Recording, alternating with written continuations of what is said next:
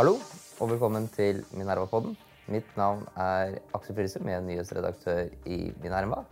Og i dag er det streik i barnehagen, så Minervas redaktør Nils August Andresen er ikke til stede. Og jeg har derfor fått anledning til å arrangere Hjemme alene-fest. Og den vil jeg gjerne ha med Unge Høyre-leder Ola Svenby. Velkommen eh, hit. Takk, takk. Du er jo ny spaltist hos oss. Eh, og i eh, din første spalte så har jo du skrevet litt om eh, under tittelen 'Hva man skal' med Oslo Høyre. Og uh, i den så legger du jo frem en slags kritikk av at partiet i begrenset grad henvender seg, eller lykkes med å henvende seg til da, i folk som du kjenner, og som er i tilsvarende livssituasjon som deg. og jeg lurer på om du liksom hadde kanskje mulighet til å utdype dette poenget ditt litt? Ja. Det er, altså- det er jo egentlig et produkt av uh, Minerva-podden, holdt jeg på å si. og det du har sagt tidligere. Etter, um, etter at du kritiserte stortingsrepresentant Lene Westgård-Halle, så um, reflekterte jeg egentlig um, over det du sa om at Høyre kan ha to uh, grunnfjell. Vi kan ha et konservativt næringsparti-grunnfjell, typisk på Vestlandet på 14% eller vi kan ha byliberalt 14% typisk hva skal jeg si, Grünerløkka Høyre, grunnfjell på 14 Eh, Men at vi eh, også har muligheten til å legge begge de to oppå hverandre. Og Det var egentlig det som var, eh, var utgangspunktet, utgangspunktet mitt. hvor jeg, jeg gikk litt inn også på valgresultater i en del bydeler, og sånn, hvor man sa at um, Høyre har mistet oppslutning i liksom sentrumsbydelene. Men ikke nødvendigvis sentrum som i Grünerløkka i Gamle Oslo, men som Frogner, Sankthanshaugen osv. Så, videre. så egentlig den konflikten som er, som er utgangspunktet for, for eh, kronikken. i hvert fall. Ja, men du mener vel da på sett og vis, sånn som jeg forstår det, liksom at partiet må bli litt mer sånn kosmopolitisk? da, Så du må bli mer opptatt av disse indre byvelgerne som er unge? Ja. på et vis. Um, Ikke nødvendigvis at man skal sette seg ned og liksom legge opp partiet til at man skal nå dem. fordi da er jo vi tilbake til det som er utgangspunktet, at jo, men da mister du jo i den andre enden. Poenget var jo hvordan man skal kunne klare i byene, gjelder ikke bare Oslo, men i byene generelt å kunne kombinere både ytre by og indre by. Hvordan man skal kunne kombinere de to interessene. Og jeg tror at man um, en del steder ikke helt har klart det. Du har sett det i Oslo, sett også i Bergen med FNB og en del av disse, disse tingene der. Så, men jeg mener at man, hovedpoenget er mer at man må ha en debatt om på en måte, hva skal være Høyres politiske prosjekt. Hva skal være de viktigste sakene som gjør at man kan favne både de som er unge og urbane. Og med en gang man sier unge og urban, så tror jeg at jeg litt har følt meg beskyldt for å liksom snakke på vegne av de som bor på Grünerløkka eller Gamle Oslo eller midt i Bergen sentrum. Men det er jo gjerne de som bor Jeg brukte meg selv som referanse. da, sant? Som bor, Jeg bor på Sankthanshaugen f.eks. Som tidligere var kanskje kjernevelgere. Som, som det er snakk om. Det, det er ikke hippiene på Grünerløkka. er Liksom, ja. For det er vel opplagt at uh, Nå kommer det jo litt an på hvor stort Oslo Høyre blir fra valg til valg, da. Men jeg vil jo tro at det, det finnes et veldig stort grunnfjell for Oslo Høyre som er i ytre by, eh, og som gjerne har Av de husholdningene i Oslo som har to biler, da, så tror jeg Oslo Høyre er et ganske stort parti. Eh, og det er jo ikke så rart at eh, det grunnfjellet blir si, veldig provosert da, når det kommer sånn 'vi elsker bompenger' og, og, og den type ting. Og at de da også selvfølgelig ønsker å ha liksom, en, en hardest mulig front mot si, f.eks. MDG, da, som kommer med dette 'vi elsker bompengestandpunktet'. Men eh, liksom, hvilke refleksjoner er det du liksom har rundt om det er lurt eller ikke? Eh, fordi eh, Det, det, er, det er det som er det vanskelige. Um, man må jo være uenig med MDG der man er uenig med MDG, men jeg mener at noe av suksessen til Høyre som parti har jo vært hele tiden at For å dra en parallell til Frp, da. Når man på en måte knakk Frp-koden, det er veldig forslitt ord og uttrykk, så er det at man behandlet forslagene deres som ethvert annet forslag. Og så er det litt subsidiært, eller liksom, egentlig irrelevant, hvem som foreslår det. Men det er ok, hva er, liksom, hva er det vi mener, da? Er, jeg tror det er uh, riktig løsning å gjøre det på også. Og så er det mange ting med byene generelt sett som Høyre kommer til å slite med som vi ikke nødvendigvis rår over, som andre endring i demografi. At byene blir jo yngre også, og så, kan man kanskje i tillegg ha en større innvandrerbefolkning, som er to demografiske grupper hvor Høyre gjør veldig dårlig. Så det er ikke veldig veldig lett, men jeg tror hovedsvaret må jo være at man det har med politisk prosjekt å gjøre, og så har det med at man behandler forslag som politiske forslag, uavhengig av hvem som er avsender. Så er det vel også et interessant spørsmål. Altså kan eh, Og det har vi jo ikke noe svar på. Men, kan eh, Oslo Høyre vinne valg bare med grunnfjellet sitt. Altså, hvis det grunnfjellet er fullmobilisert, går det da å vinne valg. Og sånn har det jo antagelig vært for det meste gjennom Oslo-Øyres historie. Altså, det har jo styrt byen eh, nesten usammenhengende siden krigen. Det er ikke så mange år de har vært utenfor byrådskontorene. Jeg tror eh, Raymond Hansen var nok den første Arbeiderpartikandidaten som klarte å vinne gjenvalg. Som sier noe om hvor vanskelig det har vært for Arbeiderpartiet å, styre, å, å vinne valg i Oslo. Mens Oslo Høyre har liksom klart å bare, hvis de mobiliserer ut grunnfjellet sitt, Så vinner så vinner du valg. Eh, og det klarer de selv om det liksom er en stor skandale. ikke sant? Altså Per Ditlev Simonsen sine reisebrev i Sveits etc. Og, eh, men det interessante spørsmålet tenker jeg er jo litt om eh, om den modellen liksom, om, den, om den holder. ikke sant? Eh, og jeg tror at den modellen kanskje ikke holder. Altså Delvis fordi at liksom, demografien er veldig annerledes, sånn som du er ute på, men så har du jo også introduksjon av uh, nye konfliktakser, og da særlig med Miljøpartiet. Uh, og Og at samarbeidspartnerne våre gjør det utrolig dårlig. Altså Ja. sånn Oslo Frp, for eksempel. Det var det åttende største partiet i 2019. eller noe sånt. Det, det, det er liksom helt absurd hvor små de er. Og det også henger jo liksom sammen med vår oppslutning. på en måte. Ja, altså Frp har jo også en, si, en, en, en, en ulogisk eh, parti, partioppbygging. For det er det partiet som er både mest for bil, men også mest mot innvandring samtidig. Og det blir litt rart hvis de som er mest glad i bil, også er de som er innvandrere. Så det, du, du kansellerer jo Du må vel velge litt, liksom, hvilke av, av, av de, de bena du vil stå på. Så de har en, en suboptimal konstruksjon, tror jeg, å, å ta ut til, til velgerne. Men eh, for Oslo Høyres del så kan de jo liksom De kan jo enten satse på å fullmobilisere dette grunnfjellet sitt og håpe at det, det går. Og det er jo en, en, en plausibel vei, det også. Og det kan jo også si at det, eh, det grunnfjellet har jo også et hva kan du si, en, en demokratisk rett til å bli fullt ut representert med, med sine interesser. da, Om det er, om den interessen er i full clinch med hva si, flertallet av befolkningen mener, så har de jo likevel rett, rett til å ha et parti. Så det kan jo være at de liksom bli sinte da, sånn når folk som deg kommer og sier at du må gjøre liksom noe helt annet. Um, for å sammenligne med, med noe som er noe helt annet, men litt sammenlignbart likevel. Um, I Unge Høyre så slet vi jo med egentlig fra særlig valg, skolevalgene da, i 2017 og 2019 at vi ble veldig spist opp av Unge Venstre. Så før 2021 så sto vi overfor et dilemma sånn OK, hva, hva gjør vi? Vi måtte på en måte demme opp overfor Unge Venstre. Og det la vi ned mye innsats i å gjøre, og det gikk jo egentlig ganske bra mange steder på Østlandet selv, da, i Oslo, Akershus, Vestlandet, men også Hordaland. Problemet var jo at da blir jo Frp større enn oss. Ja. fordi at du, på en måte, Hvis du går etter noen på den ene siden, så kan du jo lekke den andre siden også. Og, og det er jo helt åpenbart også en risiko for, for et parti hvor du på en måte har de skillene mellom ytre og indre by eller klima- og miljøvern eller hva som helst da, som man har i alle byene, i, i hvert fall i Høyre i Norge. Mm. Men har du liksom noen gode ideer på hvordan eventuelt liksom et parti som Oslo Høyre kan klare å få liksom noen uh, si, Få tilbake noen klima- og miljøvelgere i indre by, da, uten å liksom gjøre dette grunnfjellet så forbannet? da? Det er veldig vanskelig, men jeg tror, jeg tror Det som var litt sånn erkjennelse for meg, var at uh, jeg har tidligere tenkt på de som har stemt MDG og Venstre i Oslo som Jeg føler jeg har blitt gitt et inntrykk av at det har vært folk på Grünerløkka, Gamle Oslo, veldig indre by. Men når, hvis du går og ser på valgresultatene fra 2019, og dette gjelder ikke bare Oslo, det gjelder i Bergen, jeg tror til det gjelder liksom så langt ned på lista som Hamar, så er det også kjerneområdene man lekker. Jeg tror På Ullern så er Venstre 16% Så det er jo liksom, man må også erkjenne dem som jeg tror, jeg tror det også er en del mennesker som rett og slett har vært kjernevelgere også. Um, og det tror jeg kanskje er en erkjennelse som er lurt. Men igjen, det, det er liksom Man kan godt snakke om strategi og hvor man skal gå. Minerva har jo hatt en, en runde med sånn stortingsrepresentanter som har sagt at Høyre må bli mer konservativt eller Høyre må mer liberalt.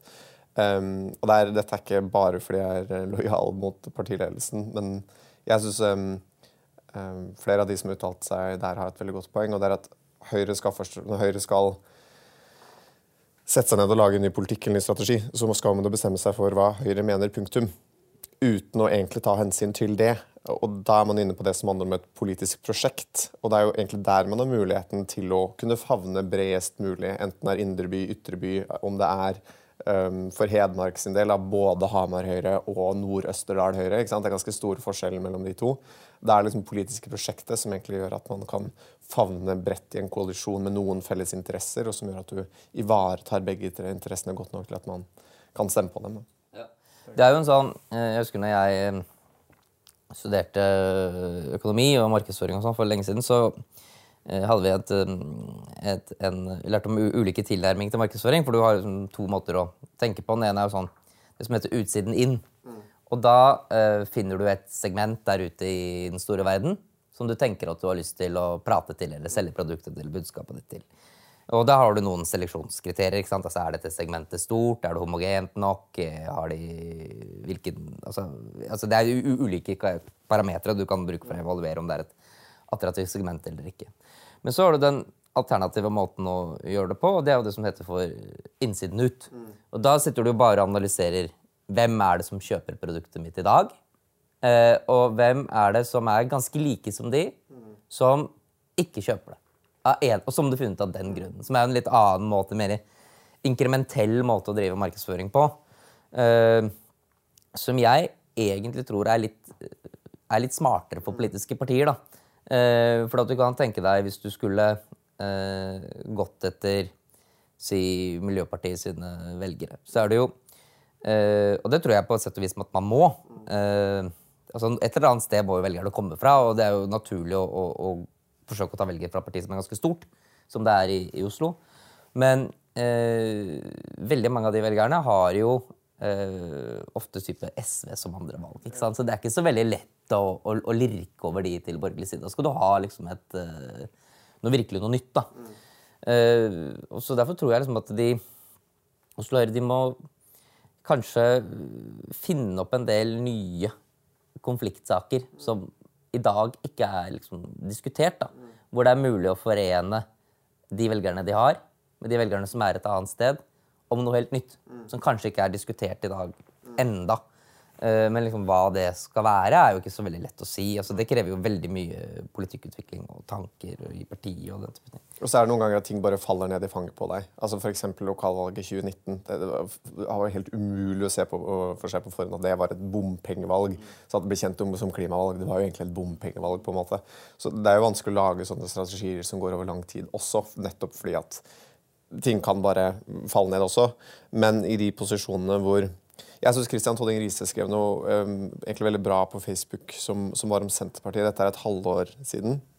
For det er jo veldig fort, da. Og, og jeg kan også fort gå i den, den, fella at med en gang man skal vinne valg, så tenker man nettopp da hvor er velgerne, og så prøver man å gå etter dem. Mens det Tonning Riise viste til, var jo nettopp Senterpartiet. Sant? Fordi Du kan godt beskylde Senterpartiet for å ha blitt mer populistisk eller, eller argumentere på en annen måte. og til viss grad så er nok det riktig. Men de skal jo faktisk ha rett i at de har jo ikke gått etter fjellet, men de har på en måte flytta fjellet til sin side. Og Det også er jo liksom noe man kanskje må, må, være flinkere til, men da nettopp trenger man også de nye politiske mm, konfliktlinjene også. Mm.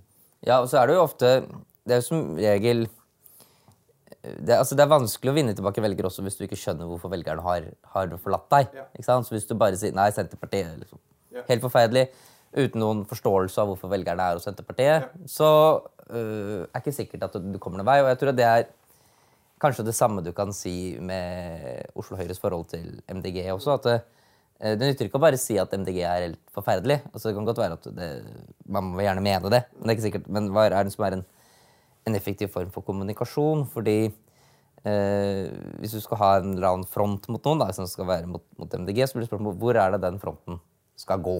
Skal den fronten gå på eh, Nei, vi er ikke så for eh, klimavennlige løsninger i storbyene som dere er. Det er jo et mulig sted å sette fronten.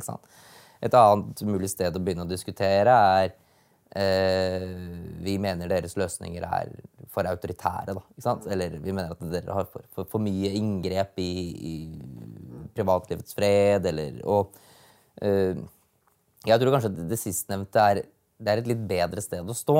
Altså, I MDG så har det jo mange som prater liksom om at, uh, nesten om at liksom, beboerne på eldrehjem liksom skal uh, konvertere til liksom bli vegetarianere på livets siste dager. ikke sant? Som en slags sånn keiser Konstantin som liksom dør som vegetarianer og konvertert inn i denne uh, nye måten, nye levesettet. Og, uh, For meg så virker liksom det for MDG at det er veldig kort vei fra at de erkjenner et problem, som kan være et, et, et, et viktig problem, et helt legitimt problem, men det er veldig kort vei fra at det er erkjent, til at det skal komme veldig drakoniske tiltak mot befolkningen. Eh, og jeg tror at hvis man kan liksom være med og erkjenne at det er problemet, men eh, komme med noen andre løsninger, så kommer det mye lenger, da. Enig. Og uten å dra for mye sammenligning til skolevalget, for det er jo litt omdiskutert hvor, ja, hva, det fenomenet generelt sett er. Men det var jo mange kommentatorer som eh, ble veldig overrasket. Senterungdommen ble jo større enn Grønn ungdom i årets skolevalg. Hvem hadde trodd? I Oslo så gikk de fra 15% til 8% I Agder halverte de seg, gikk veldig, veldig mye ned. Og så var det mange som leste det som at å, her har klimaengasjementet falt, nå bryr unge seg om andre ting. Jeg tror det er eh, en mye enklere forklaring eh, på det. Og det er nok at da MDG og Grønn Ungdom for alvor kom inn i liksom, ungdomspolitikken, og det er nok litt sammenlignbart med politikken generelt, i 2015, 2017 og 2019 og gradvis bygd seg oppover, så ble de i starten møtt med liksom jo, men Det er liksom, nesten sånn hoverende, arrogant, det er teit. Mens i 2021 er nok det første skolevalget hvor samtlige partier diskuterte og argumenterte mot MDG om klimapolitikken. Sant? Hvor man argumenterte for hvorfor egen klimapolitikk var bedre enn klimapolitikken til Grønn Ungdom. Og jeg tror også det eh, ga, var del av hvorfor du fikk det resultatet du fikk. Og jeg merket også at Grønn Ungdom også ble overrasket over at vi møtte dem med en såpass stor selvtillit på klimapolitikken og diskuterte politikken, fremfor å ha en litt sånn arrogant holdning om at, om at det, det, er teit. da. Eh, og jeg tror nok det også, og det, det gjelder MDG, det gjelder også Senterpartiet. Sant? Du må diskutere med Senterpartiet på dine premisser om, klima, om distriktspolitikk i det tilfellet, istedenfor å liksom sette seg på sidelinjen og ja, litt sånn arrogant se ned på de, eller ja. Men tror du det er en mulighet også for eh, Si at den, liksom, den, grønne bølgen At den også kanskje eh, etter hvert liksom ebber litt ut? Altså, er, det, er det mulig? Fordi eh, man kunne jo sett for seg altså Jeg har ikke svar på det, jeg bare kan komme med et argument. men man kunne jo sett for seg ikke sant, at um, For det første så er det jo nå at uh, ungdommer og sånn ikke sant, de blir jo liksom fullt av læreren da, til å gå i demonstrasjonstog. Mm. Uh, og da føler du jo ikke at du egentlig er med på et opprør. da. Ikke sant? Så det tar jo veldig sånn brodden av at du fravær, for eksempel, ja, Læreren hjelper deg, og i, i, denne timen så tegner vi liksom klimabannerne våre, og så skal vi liksom gå foran Stortinget eller rådhuset. Og da er liksom mitt hvis jeg hadde liksom gått på videregående og blitt fortalt det, så ville jo jeg i hvert fall ikke følt at jeg var med på noe opprør. Altså, jeg ville være opptatt av å være kontrær, og da gjerne mene det motsatte av det man liksom blir fortalt. Da. Det er liksom ett parameter. Et annet ting er jo kanskje at uh, mye av liksom klima- og miljøpolitikken, den uh, Jo lenger den liksom får virke, jo uh, tydeligere blir det jo liksom også en del hvilke omkostninger det har. da. Mm. Altså, Nå har man jo liksom kraftkrise i Europa, som Norge også delvis importerer jo uh, disse, disse prisøkningene. Og det kan også være at det liksom tømmer ut litt den appetitten folk har da, for, å, for, den type løsninger. Så det er jo også en, liksom en mulighet. Ja, så tror jeg man veldig lenge har Altså, Jeg har ikke vært i politikken lenger enn siden 2012. Men jeg, jeg, jeg, tror man, hvis du går tilbake i historien, det er vel egentlig bare 90-tallet som ikke har hatt sitt klimaopprør i en eller annen, enten klima- eller miljøvern. da, Og at man hele tiden har tenkt at nå kommer det. At nå kommer klimabølgen. Og man har jo lenge snakket om at liksom, nå er vi der, nå havner vi der, og så har ikke det skjedd likevel. Og så kan det være flere forklaringer på det. ene er jo fordi de andre partiene, altså som tradisjonelt sett ikke har hatt stort eierskap til klima, også begynner å snakke om det. Um, så det er en mulighet for at det, at det blir mindre relevant eller, eller, mindre viktig enn det det er opplevd som i 1921. Uh, i hvert fall. Eh, jeg er ikke helt enig i det, tror jeg. Jeg er veldig redd for at klima blir det nye islam. Uh, for å si det Hva betyr det? Nei, At det blir på en måte en sånn identitetssak, da. Som, som, på en måte ytterpunktene kan gavner veldig på, og som også setter Høyre i en liksom, skvis med Frp på den ene siden og Venstre på den andre siden. At det blir liksom den Du, du så det jo litt delvis på Haramsøya med utbyggingen av vindmøller, um, og at man ikke er um, er, at, um, og den demonstrasjonen utenfor Stortinget mot vindmøller, hvor det etter hvert kom litt sånn høyreekstrem og, og, og, litt sånn. Um, Så, så med det mener jeg bare at, jeg, at du får en ny sånn identitetssak som er utrolig splittende, som man bare aksepterer sånn Du er for innvandring, eller du er mot innvandring. Sant? Du er for å redde klima, eller du er mot å redde klima. Og for innvandringsdebattens del så har vi nå kommet veldig langt. Altså, du har noen viktige erkjennelser i både Høyre og Arbeiderpartiet som nok ikke hadde kommet dersom det ikke var for Frp. Såpass ærlig mener jeg at man må være. Men at så fort du får en ny sånn sak, så tror jeg nok at både Høyre og Arbeiderpartiet særlig kan bli satt i en litt skvis hva, hva, dette er det riktige å gjøre, men, men, da lekker vi veldig til Frp eller veldig til Senterpartiet. Hvordan skal man liksom operere i det landskapet? Og Det har partiene brukt veldig lang tid på å gjøre med kontroversielle saker tidligere. Og hvis det nå også skjer med klima, så kan nok det bli krevende. Og hvis du i tillegg da får liksom innvandring på toppen, eh, for det er nok en korrelasjon, ofte i hvert fall, mellom de som er skeptisk til klimatiltak, og som kanskje er Eh, du type eh, benekter at de i det hele tatt er menneskeskapte. Eh, at de, den gruppen er nok ofte den samme som ikke er så glad i ikke-vestlig innvandring til Norge. Ikke alltid, men ofte. Og da, er, da, har man to sånne saker som på en måte kan operere oppå hverandre. Det er egentlig min største Men er det ikke nesten allerede blitt litt sånn? At du, man eh, Nå skal jeg Jeg skrevet det, det er jo neste Eh, på utgave Minerva så har vi sånn eh, Hva nå borgerlig? Og da har jeg sett på disse dataene langt tilbake. Nå har ikke den saken publisert ennå. Mm. Men eh, jeg tror jeg kom til at hvis du legger på velgerundersøkelsene mm. eh, tilbake i tid, siden 2000-tallet Antall velgere som oppgir klima og miljø og innvandring mm. oppå hverandre. Mm. Og sier, altså, hvor mange er det som sier at det er en av deres to viktige saker i årets valg? Tror jeg det kommer ifra at 10 Da husker jeg ikke nøyaktig, da, men jeg tror det kommer fra 10-12-13% er opptatt av det i 2005. Og nå er det 45% av velgerne som opp, oppgir de to sakene. Eh, og det blir jo et veldig vanskelig politisk klima å navigere i, for de partiene som er store fra før, ja. fra de partiene som er store fra før, de er veldig heterogene i de spørsmålene. Mm. Der finner du både de som er veldig for innvandring og veldig mot. ikke sant? De vil jo ha internt i Arbeiderpartiet og i Høyre. Og de partiene kan jo derfor De er jo egentlig forhindret fra å ta et tydelig standpunkt i den saken, for det vil fremmedgjøre så veldig mange av sine egne velgere hvis de gjør det. Og da inviterer du jo selvfølgelig inn til at andre partier kan liksom rive og slite litt i dem. da. Og så vil det jo virkelig være spikeren i kista for høyre-venstre-aksen. For da, hvis du får de to sakene som på en måte det viktigste, så har jo SV og Venstre og MDG mye mer til felles enn det Venstre, Høyre, Frp vil ha, f.eks. Så én ting er liksom for internjustisen i partiene, men for sammenlignings... Eller Stortinget er rett der ute. For liksom samarbeidsklima partiene imellom, så, så gjør, blir nok det også ganske spennende å se hva det gjør. Sånn sett da, så har Arbeiderpartiet og Senterpartiet i regjeringen nå for eksempel, nok lagt seg på ganske vet hva jeg skal kalle, restriktiv linje. da. Altså, De går ikke veldig progressive i klimapolitikken, ikke veldig progressive i i, i, i klimapolitikken. Men det blir jo vanskelig å gjøre begge sider hvis det er liksom de to sakene som, som avgjør. Og ikke minst på borgerlig side. For der går liksom de splidene rett gjennom rett gjennom Høyre. Innvandring er ikke så kontroversielt til Høyre som det er i Arbeiderpartiet. Men Han er litt mer avslappet forhold til det, men, men likevel.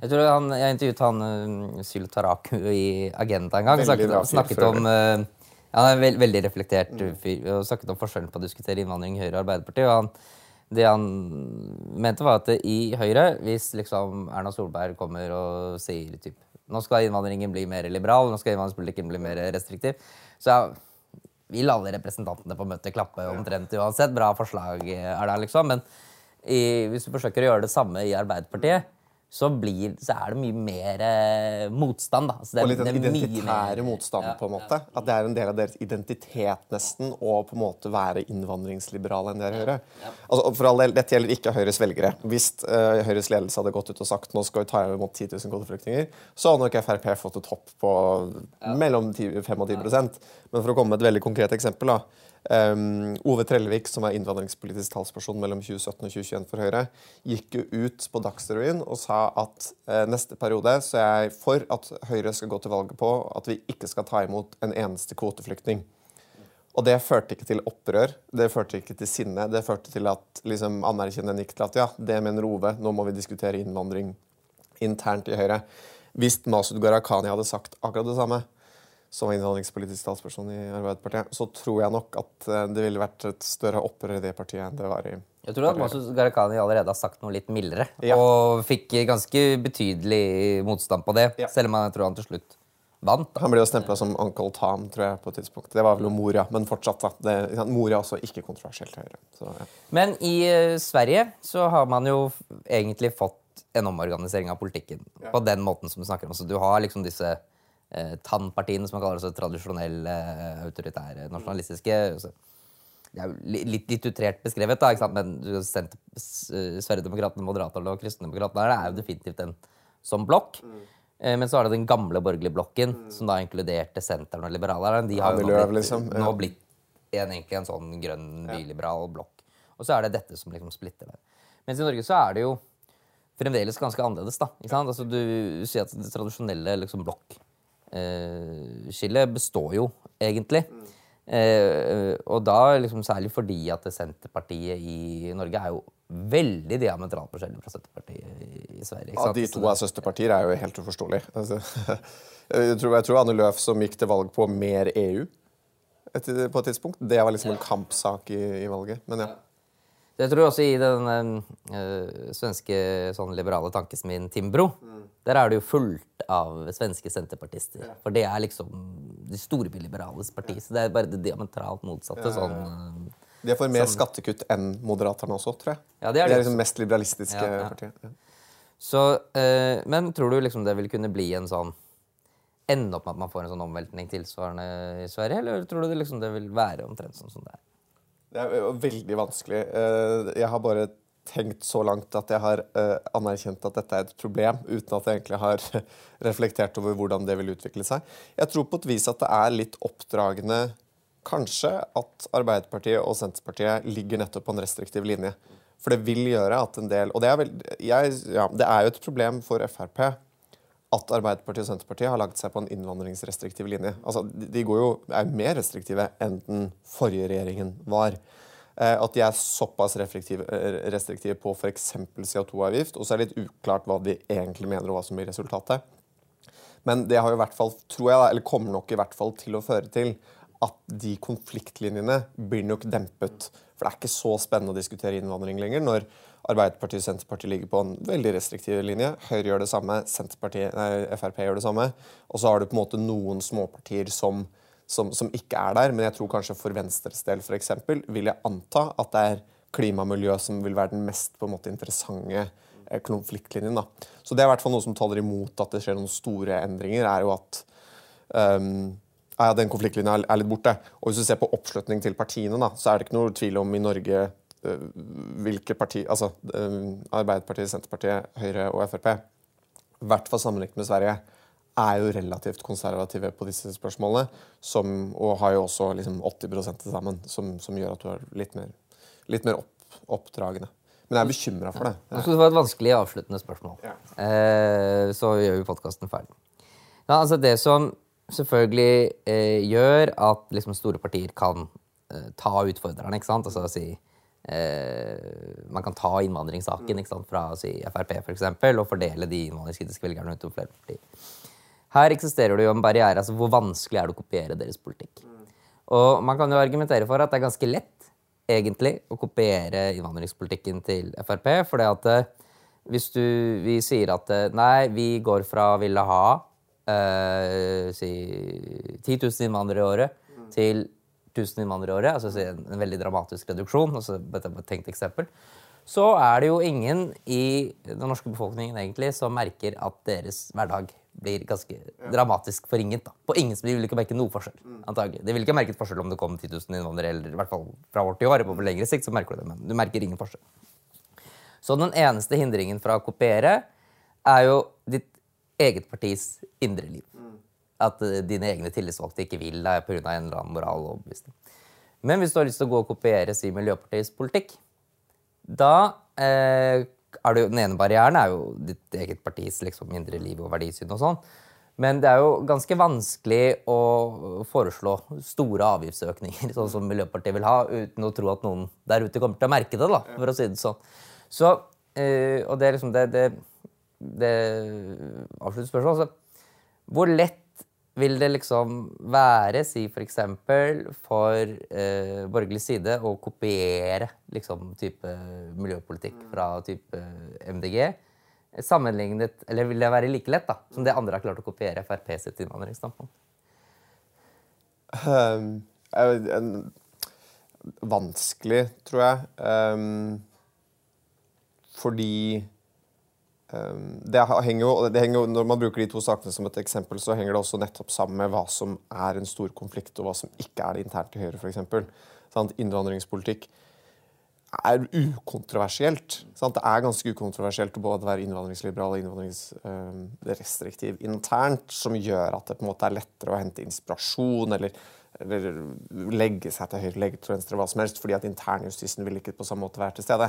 Men for f.eks. hvis du bruker MDG, som nasjonalt sett så milelangt fra Høyre, så vil jo ikke det gå, tror jeg. Altså sånn Verken praktisk, det vil ikke være ideologisk mulig, og nettopp fordi at de sakene som jeg har litt inntrykk av at er mest betente nå i befolkningen, så er det mer betent med CO2-avgift, vindmøller, disse tingene, enn det innvandring er. Så det handler jo kanskje mer om hva som på en måte er ja, hva, er, hva, som er i vinden, da, egentlig. Um, det er klart at Hvis MDG hadde hatt en strålende god skolepolitikk, nå har de ikke det, men hvis de hadde hatt det, så ville jo det vært ganske ukontroversielt å adaptere. fordi at det er ikke liksom en et rødt flagg for liksom, mm, noe som folk bruker for å betegne seg som sin egen identitet, eller palit, veldig ideologisk skille.